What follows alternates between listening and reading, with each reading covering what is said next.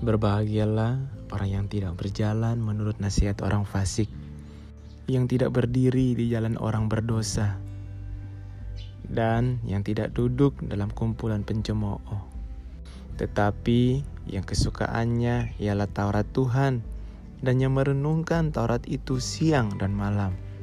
Ia seperti pohon yang ditanam di tepi aliran air, yang menghasilkan buahnya pada musimnya dan yang tidak layu daunnya, apa saja yang diperbuatnya berhasil.